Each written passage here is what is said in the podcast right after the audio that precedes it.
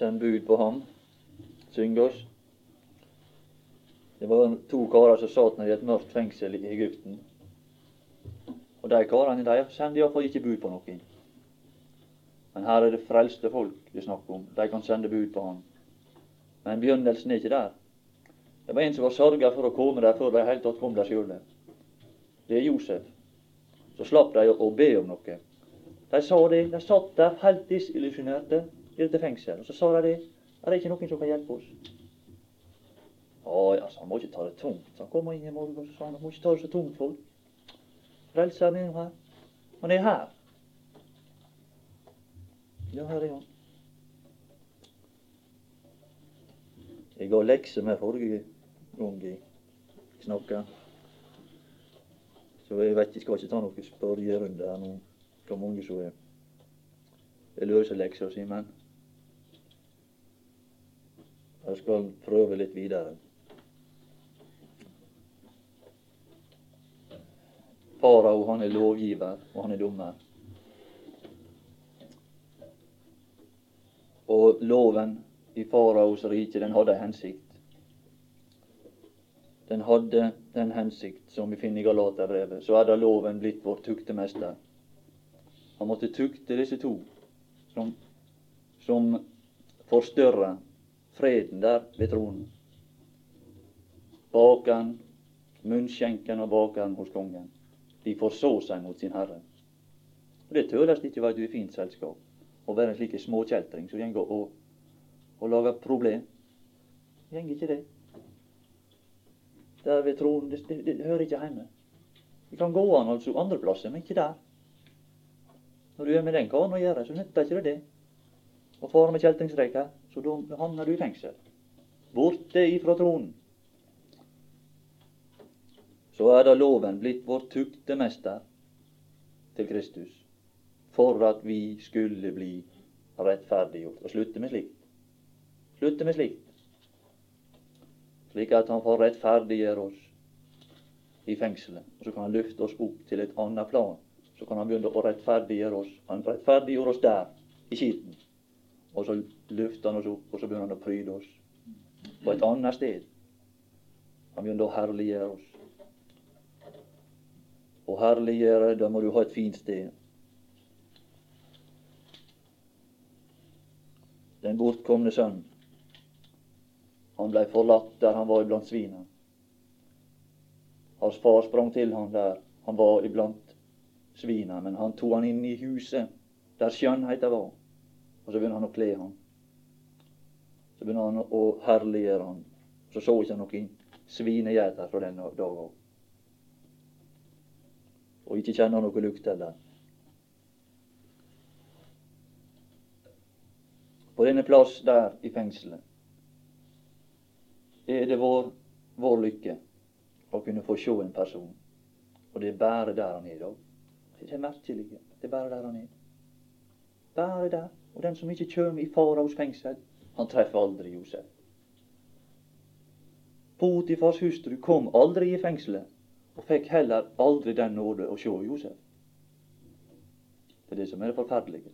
Derfor er det større nåde å være en åpenbar synder eller å være en, en synder som ikke innser at han trenger hjelp.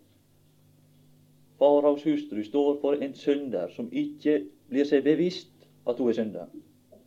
Munnskjenken og bakeren, de står for de som blir seg bevisst at de får godt seg. Og det blei deres redning. Vi skal lese litt om dommeren i Lukas 12, 58.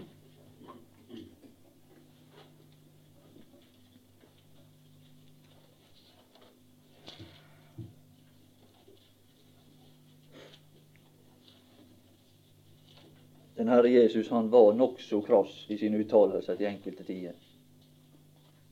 Det var han. Og i vers 56 der finner vi, så sier han 'dere hyklere'. Det er sannheten som taler.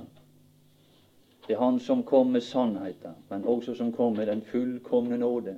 Som etter at han hadde åpenbart sannheten, hadde den fullkomne nåde å tilby. Vers 57. Hvorfor dømmer dere da ikke også av dere selv var etter? Nei, den evne det har ikke mennesket i sin falne tilstand, å dømme rett. Men så sier han noe annet. For når du går av sted til øvrigheten med din motstander Og jeg skal gi den tanke her nå at den som er på vei til øvrigheten, det er du og jeg, og så er det Gud. Vi er på vei. Vi er underveis. Og vår vei, den går til øvrigheten. Den går til den store, hvite trone. Men så sier Gud at før du kommer dit, sier han, da gjør deg umak. Hør, hør nå. Gjør deg umak for å bli forlikt. Nei, hør. Du kan bli forlikt med din motstander. Både din motstander og dommeren, det er samme person. Men mens du er med ham på veien, så er han din motstander. Men når du kommer fram, så er han dommeren. Har du hørt om forlikelsen? Å, det er Gud som holder på. Det er Gud som holder på å skape forlikelse. Han holder på, og han arbeider på at vi må forlike oss med Gud. Og det er ikke bare at han byder det, men han ber. Vi ber i Kristi sted. Det er han som er på tiggerplassen. Han ber om at vi må forlike oss med Gud. Nå er troens representant under oss. Han er under oss og ber om at nå må du forlike deg med Gud. Og jeg skulle ønske jeg kunne lære dette å be på den måten. Å, da skulle jeg gråte. Da skulle jeg være øm i min stemme og be slik som han ber. Når han stiger ned, han satt ved en brønn, skitten og forkommet, og trett av reisen, og så ba han denne kvinnen. Jeg lurer på hvor mange som ville ha bedt, hvis det er den som kjente henne. Kanskje ville ha satt seg ned der og be slik som han ba. Så sa han det, hvis kjente du Guds gave, da hadde du bedt, men nå sitter jeg her og ber. Og hans bønn ble besvart. Hans bønn ble besvart. Det smelta denne kvinnen sitt hjerte.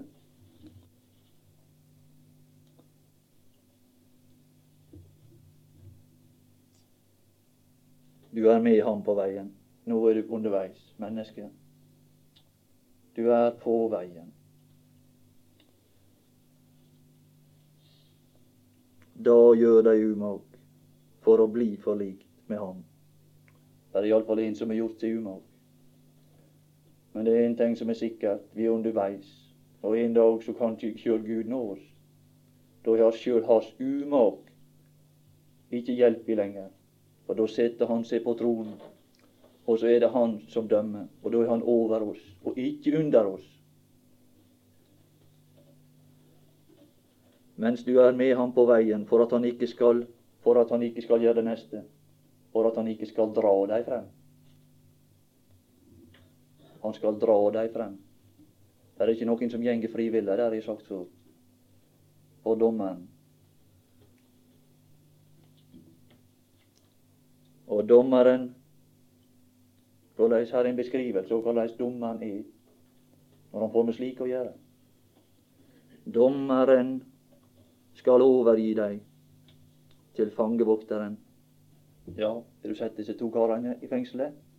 Har du sett dem de sitter der? Henge med nebbet. Henge og sure er de. Og lite vet de. Lite forstand fremmedgjort for Guds liv.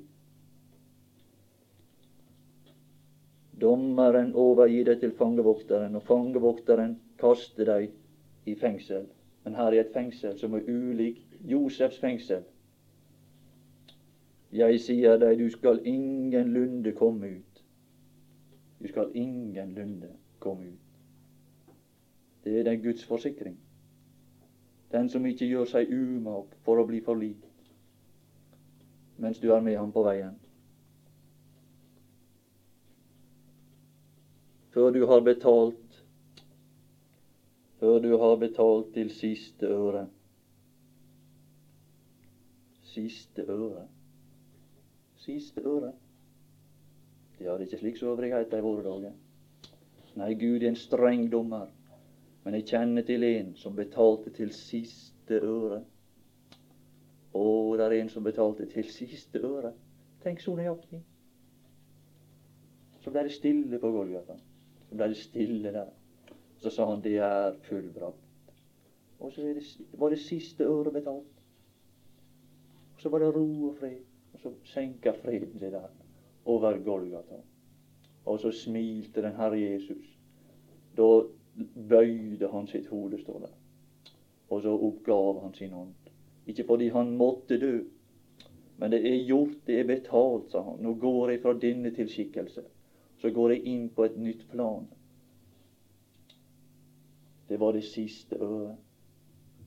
Og tar du ikke imot den, den betaling, godtar vi ikke at han betalte, så må vi sjøl betale. Og da blir vi sittende her. Så sitter vi her i dette. Du kommer ikke ut derfra. For du har betalt, så må vi betale. Hvis vi ikke godtar hans betaling. Romerbrevet 1.32. Vi Romerbrevet taler stadig om dommeren. Det er et brev som i hele tatt går mye på lovmessighet. Stadig gjenger et ord i en lov. Syndens og dødens lov. Og forskjellige slike uttrykk. Og I det første kapittel og det 32. vers skal vi lese slike som godt kjenner slike som godt kjenner Guds dom. Det er ikke bare at Gud er talt og avsagt dom, men disse folk de kjenner dommens innhold, som her er omtalt. Gud som dommer. Og i det andre kapittel og det andre vers at Gud er avsagt denne dom. Vi vet at Guds dom som sannhet byder. Guds dom, altså denne sannhet, den er, den, den er sann. Sannhet byder. Er over dem som gjør slikt. Men dommen er ikke eksekvert. Den er ikke utført. Den er men den henger der over. Det vil si, du sitter i fengsel. Mellom domsavsigelsen og til eksekvering så sitter du i Josefs fengsel. Det er det som er så, det er det som er så kjekt å kunne fortelle her i dag. Der er Josef. Å, han er der. De ble sittende, står der, en tid. En tid. Og så blir det forlik. Men ikke alltid en tid der i fengsel. Og der fikk de lære å kjenne den mest velsigna personen i sitt liv.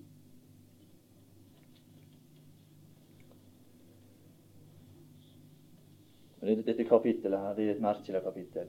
Hvordan begynte det? Du har vel ikke gjort, det, gjort i stand ei lang, lang regle med unnskyldninger som du kan møte Gud med? Nei, det, det må du slutte med, altså. Du er uten unnskyldning, menneske, står det. Du er uten unnskyldning. Du må aldri begynne på det. Og du møter dommeren. Å, du må ikke begynne å, å lage sammen ei lang regle. Nei, bli forlikt med ham. Vi leser i kapittel 5 og vers 16. Skal vi lese hva dommen lyder på?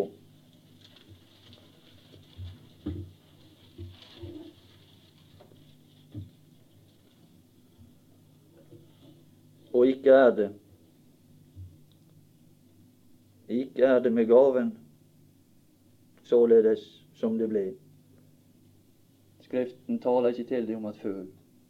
Her Skriften taler til oss i ord, for at vi skal få vite hvordan det er. Dette går ikke an å føle.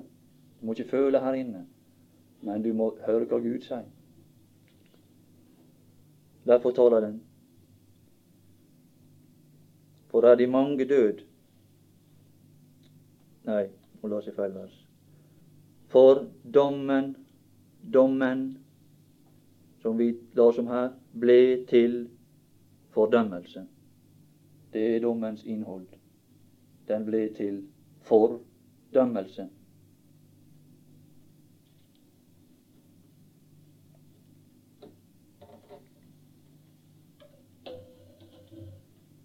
Denne domfelte Gud i eden. Fullbyrdelsen av denne dom, som Gud uttalte i eden, skjedde på Golgata. Og den legger et grunnlag for Den er så fullstendig at den legger et grunnlag for at den store, hvite trone, plassen foran den store, hvite trone, at den kan stå fullstendig tom fullstendig tom. Like fra den første synder til den siste.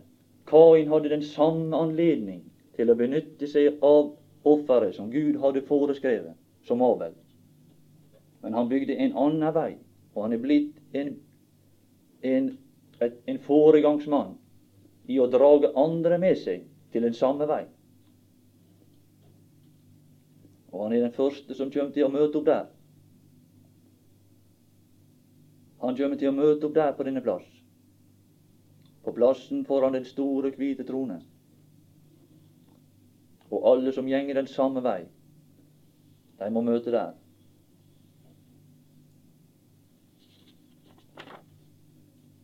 Og det er bare de som vil stå der, som står der. Bare de som vil. Abel vil ikke. Jeg skal bare lese en liten scene. Jeg skal ikke kommentere noe. Fra Daniel 7.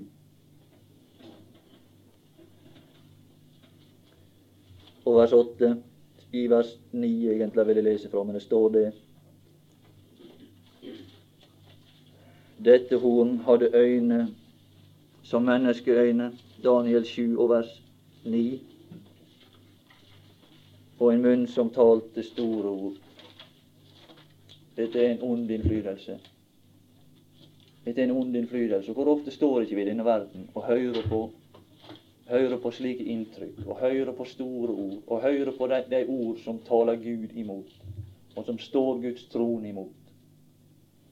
Hvor ofte er ikke det vår lodd i denne verden? Hvor ofte føler ikke vi disse, disse inntrykk?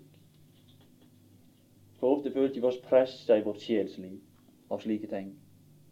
Men Gud, Han som sitter i himmelen, står det i Salme 2, han ler. Veit du hva han gjør her? Han tar fram noen stoler, så sitter han der nede, helt rolig, avslappa, fullstendig rolig. Så sitter han seg ned sjøl, helt rolig. Dommeren sitter seg ned, så ser vi hva det går.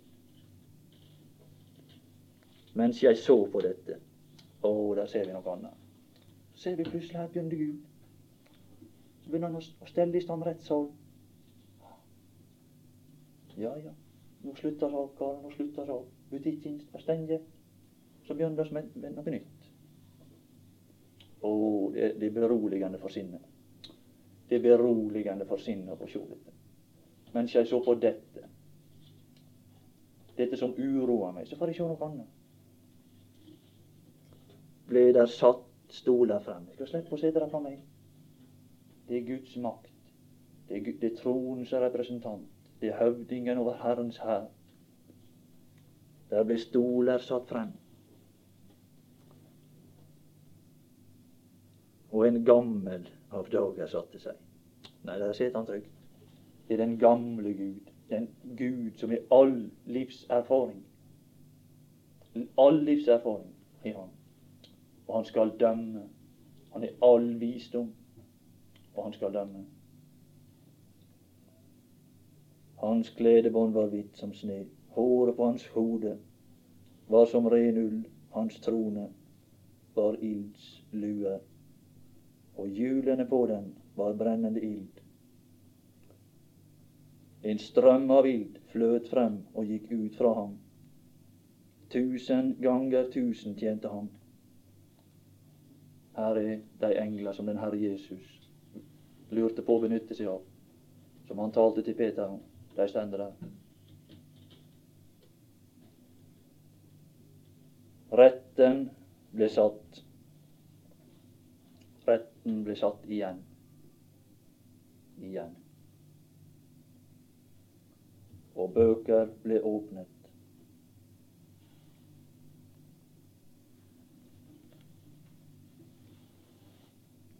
Men før den tid så er Gud en rettssal i denne verden der vi kan bli forlikt med Ham, som jeg talte om og nevnte så vidt. Vi kan møte Han og få vår sak pådømt i nådens tid. Og når vi leser Romerbrevet, så er det formet som en rettssal i det tredje kapittel.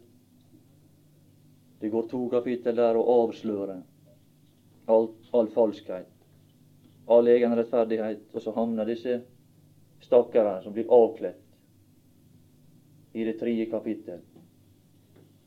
Og der føres Kristus inn i forbindelse med synd.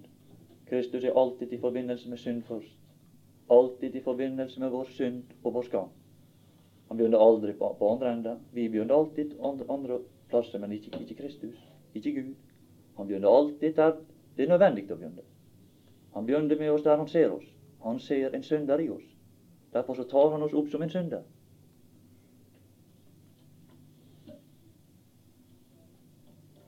Og når vi leser Det så vi nå nyst, at når vi leser Romerbrevet 3 der, så er det, det er det dommeren som er i aktivitet der. Det er Gud som dommer som er i aktivitet der. Og han som taler der. Og det står det i det 24. vers at de blir rettferdiggjort. De blir rettferdiggjort. Tenk, han gjør det. Han rettferdiggjør disse. Og det er ikke måte på hva folk han kan ta opp. Deres strupe er en åpnet grav. Ja.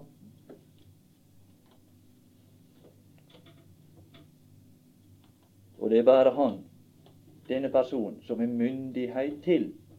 Det er bare dommeren som er myndighet til å dømme. Det er ikke han Per og han Pål som sa noe om her. Som skal sitte seg på, på denne plassen der og så si et eller annet. Nei, han må ha innsikt. Han må være lovlig, ha myndighet til å avsi dom. Men så er ikke det gyldig. Så står det i kapittel 8 vers 33. Hvem vil anklage Guds utvalgte?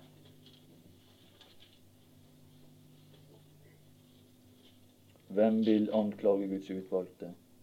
Så forstår ikke det at det at, at Gud er slutta av holde for flere kapittel, sier det der. Og Paulus er slutta. Han også anklager inntil kapittel 3. Så anklager han Vi har anklaget, sier han, både jøder og grekere, at de er under dom. Han hjelpte Gud, men bare fram til ett punkt. Og når Gud rettferdiggjør, så slutter Paulus å anklage. Så begynner han å fortelle dem at det stod vel til.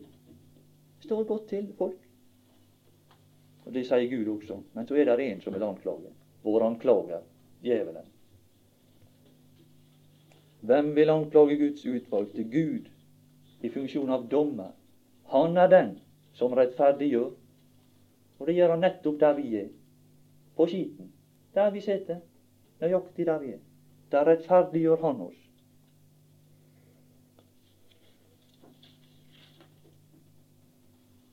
Og det må vi ha med Gud i karakter, den rettferdige dommer, å gjøre. For at vi skal være sikre på at den frifinnelsesdom som faller over oss på veien, at den skal være gyldig i tida og i evigheten. Vi leser 5 over 16, det andre del av kapittelet. Romerbrevet 5, andre del av verset. Disse kjente vers 5 og 16. Men nådegaven, den ble til noe. Den ble til noe. Nådegaven. Den ble et produkt av denne gave som står. Guds nåde er en tilstand hos Gud. Men denne nåde, den denne nåde som er en tilstand, og, egentlig er noe bare en abstrakt ting, den Den gjorde et produkt som står, og som absolutt ikke er abstrakt. Den laga i stand noe. Den ble til frifinnelsesdom. Eksisterer det, da? Ja. Gud er dømt en gang til. Han dømte på Golgata. Og så dømte han frifinnelsesdom. Der eksisterer en dom som lyder på frifinnelse.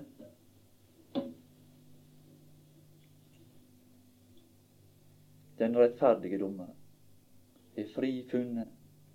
Alle som er i Kristus Jesus, og alle som ved rettssalen i dag går inn og får sin sak på den, så har han et grunnlag for, for dette verk, å dømme oss fri for tid og for evighet.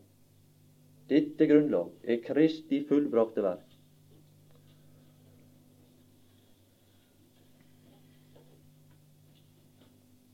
Hvorfor kan han det? Ja, fordi det er dette fengselet i, i Egypten. Så var det én person. Der var én person der. Det er Josefs verk der i dette fengsel. Han gjorde et verk der i dette fengsel. Det var han som gjorde noe der i dette fengsel. Han er den handlende funksjonen der i dette fengsel. Alt som skulle gjøres der, det gjorde han, står det. Det gjorde han. Og han gjorde et verk der som vi skal sjå, som heva noe innifra fengselet. Ikke seg sjøl. Det var ikke for seg sjøl han gjorde det. Det var andre han tenkte på. Han satt der han, når andre gikk fri og, og rola derifra. Han kom der før alle andre, og så satt han der etter alle andre. Så satt han der rola. Så, men så var det somme som fikk gå. Det var for hans skyld. Bare en tid der i fengselet. Og jeg er glad for at jeg er ferdig med det, det oppholdet. Jeg er glad at jeg kom ut i frihet. Jeg føler ikke med klokka heller.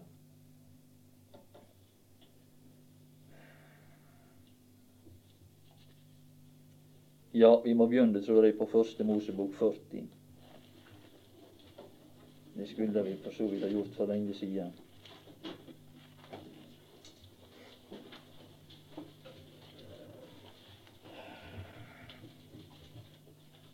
Vi finner der denne, denne konge som et bilde på Gud, og i dette land som et bilde på verden.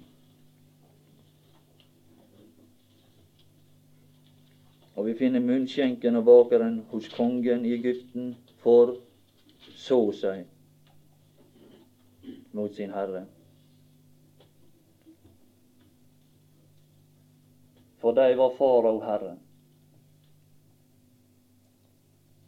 og de hadde tjenerposisjon, sammenleis som Josef. Men når de Vi ser først Josef, og jeg er glad for at de først får se han. Hadde aldri noe problem. Men så har han her, du hører ett eneste ord, ett eneste vers om dem. Så har aldri de forbrøt seg. Ja, det er fine folk. Det er fine folk. De forså seg mot sin Herre. Hadde ikke de gått der så de hadde det? Måtte være takknemlige og fikk gå der. Nei da, de forså seg. Og de hadde det best, hadde det så godt som det gikk an. Da forså de seg. Slik var det med, med Adam og Eva i Egypten og i, i Eden også. Når de hadde det godt, da forså de seg. Men når Josef hadde det ondest av alle, da kom hans egenskaper best til syne. Så mot, store motsetninger der mellom det reine og det falne mennesket. Farao ble vred. Farao ble vred, ikke var vred. Og at farao var en rettferdig dommer, det innrømmer de som ble dømt sjøl. De innrømmer det sjøl i 41 og vers 9.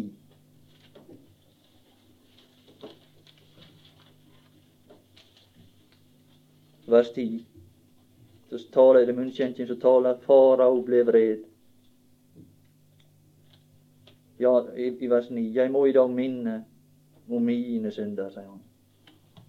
Minn om mine synder. Jeg hadde synder, sa han. Det var virkelig tilfellet, det. Så det var rett, det. Det var mine synder. Farao ble vred på sine tjenere og satte meg fast hos høvdingen over livvakten. Det var tilfellet. Er er vi slik at vi kan innrømme det?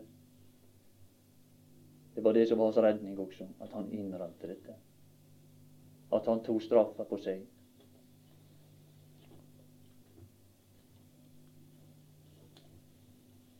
Han innrømte dine forseelser og dine synd. Men der i dette fengselet fikk han lære ei anna side ved den trone som han omgikk. Han fikk lære ei anna side å kjenne. Han fikk med høvdingen over livvakten å gjøre. Den, der kan rasle de sverd og skarpe beredskap. Så her som skal ta disse karene, skal gå en tur en annen plass med dere. Skal se hvor det går da. Se om ikke det, det retter seg litt. Grann. Se om ikke dere begynner å skjelve litt. Og forstå at det går ikke an å oppføre seg på en hvilken som helst måte overfor denne kongen.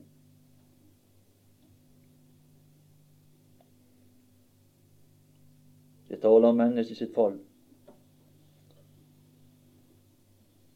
Og det taler om at mennesket ved fall har berøvet seg den anledning til å bevege seg fritt inn i Guds nærhet.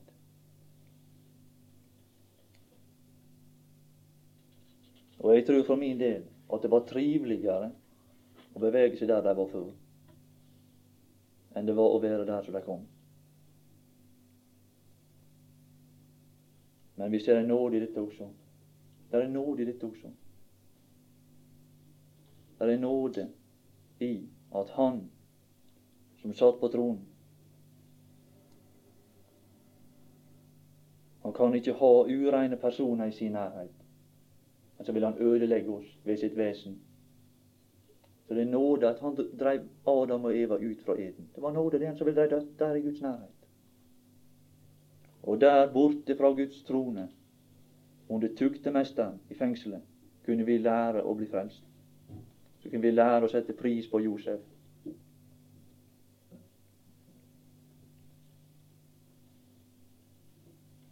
Men det er enda en nåde som denne trone gir.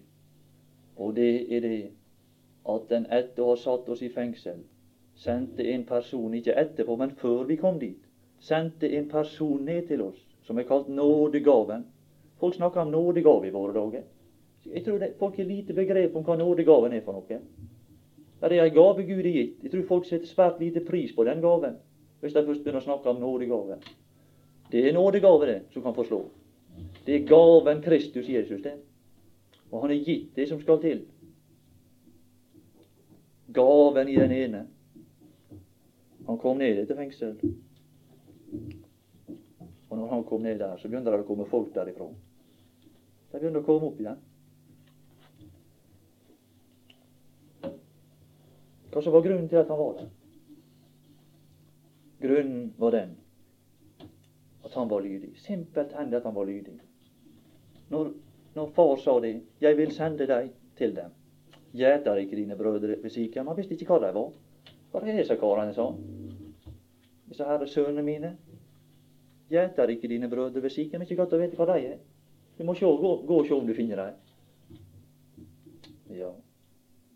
Det taler om mennesker som er gått bort ifra Gud. Som er gått bort, og Gud veit snart ikke hva mennesket er. De er borte. Men så var det en som sa ja. Han, hør, han var så nær at han hørte sin fars stemme, og så sa han ja. Ja, her er jeg, sånn. Så gikk han. Og så var han lydig i alt. Og så er han kommet dit som han er. Og det var der vi var. Her sitter vi. Å, vi synger der inne sangen der. Og det står i Jesajas et folk som vandrer i mørket. Tenk å gå opp og svive i mørket. Det er vår, det skjebne, det. Men så står han også med verre. De som sitter da de satt seg ned. Da ser ikke noen redning. Og der sitter disse karene. De som sitter i dødsskyggens land. Så sitter de der. Da er ikke det noe håp. Men de går ikke å svive lenger. Det er ikke noe å finne seg her. Da sitter de der. Og hvis ikke det kommer en til inn til oss, så er det ikke håp. Men han kom en inn til meg og frelste min sjel nøyaktig der jeg var.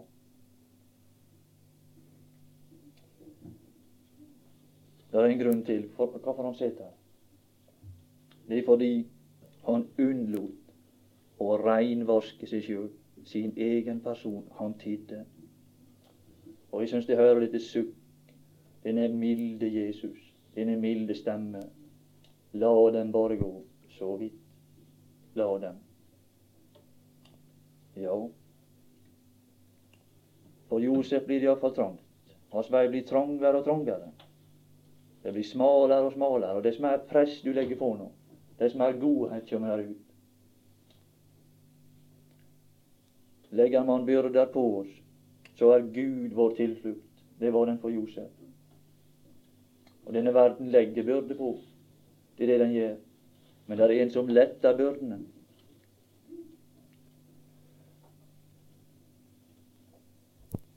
Han fikk den anledning, Josef, til å hjelpe den som var under disse omstendighetene, men det var det bare derfor.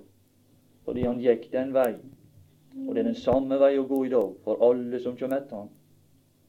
At vi skal følge i hans fotspor. Vi skal lese et lite uttrykk fra Salme 106.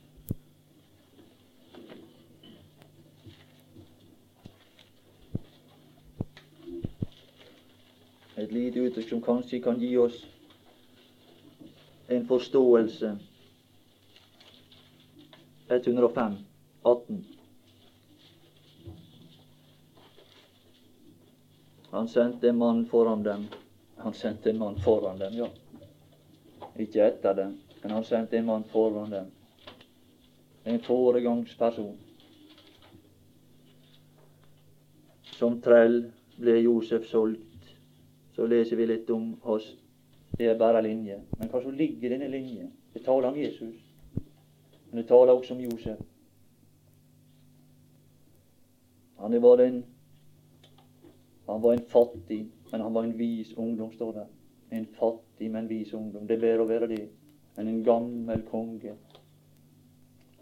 Dår av en konge. Her var den fattige, men vise ungdom. Josef. De plaget hans føtter. De plaget hans føtter. Ja, han var ikke han, Det står ikke noe om det at han var lenka, men her står det. De plaget, de plaget hans føtter med lenker, og hans sjel, den kom i jern. Slik var hans vei. Slik var hans opplevelse av dette sted.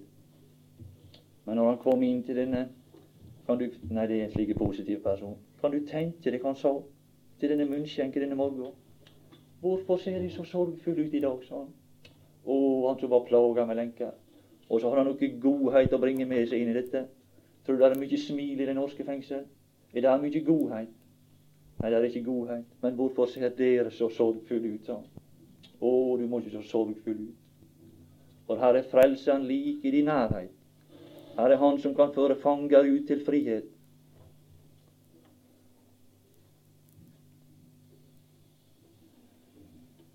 Ja, vi skulle løse her.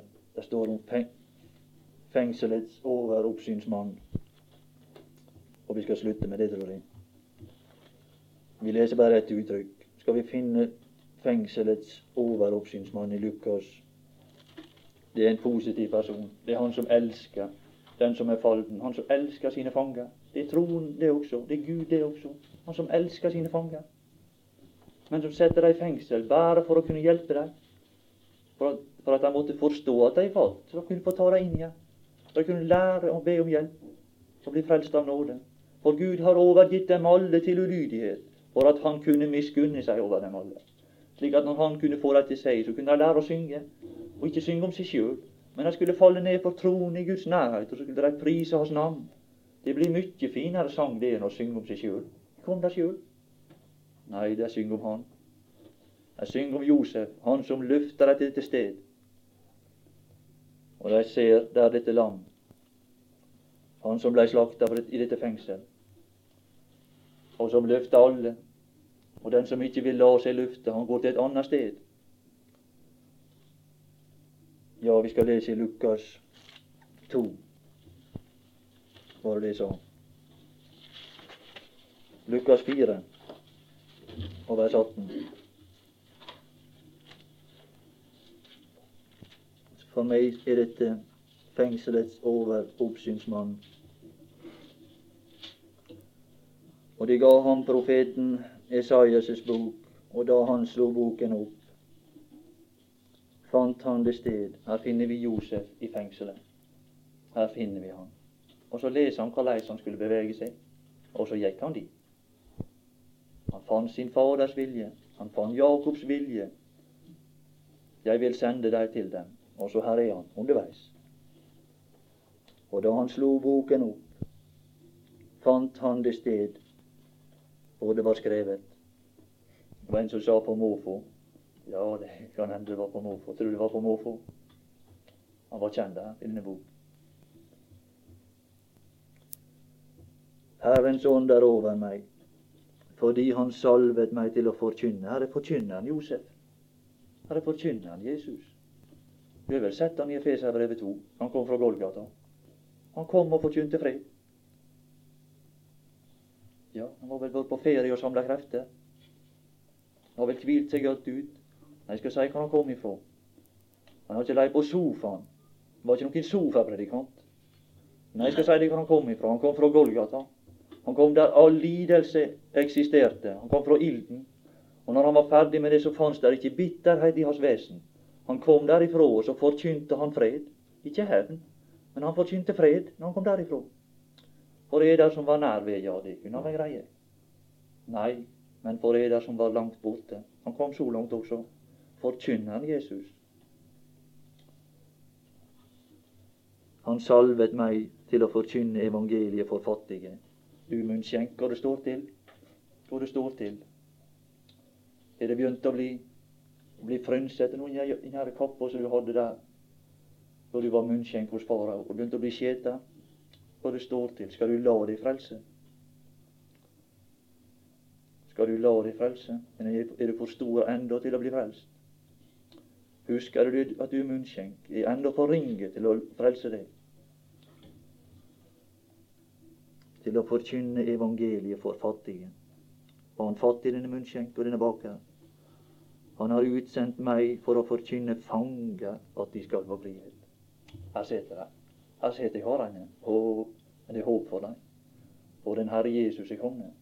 Han kom ned fra sin far for å hjelpe, for å berge, for å redde. Og det er ikke en så ussel er at ei Jesus har han kjær at de skal få frihet. Og blinde at de skal få syn. Og sette undertrykte i frihet.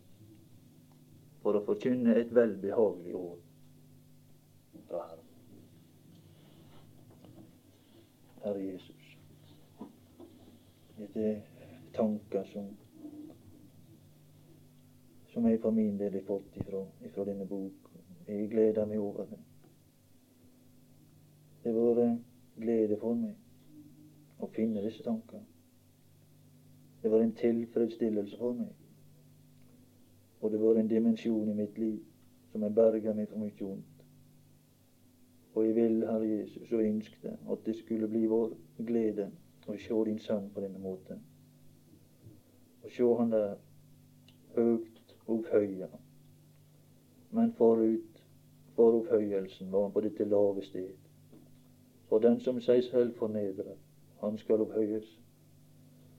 Så var det du som var så djupt fornedra, og så er det du som er så høyt opphøyet. Han skal bli oppløftet og opphøyet og være meget høy.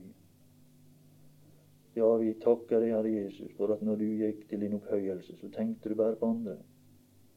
Det var andre du hadde i tanken, like som du var her den, den natta du ble forrådt. Like som han hadde elsket sine egne, så elsket han dem inntil enden. Det var slik du var, og slik er du. Og slik er ditt hjertelag for oss, og la oss få kjenne det. Vi ber for dagen og fortsettelsen i Jesu navn. Amen.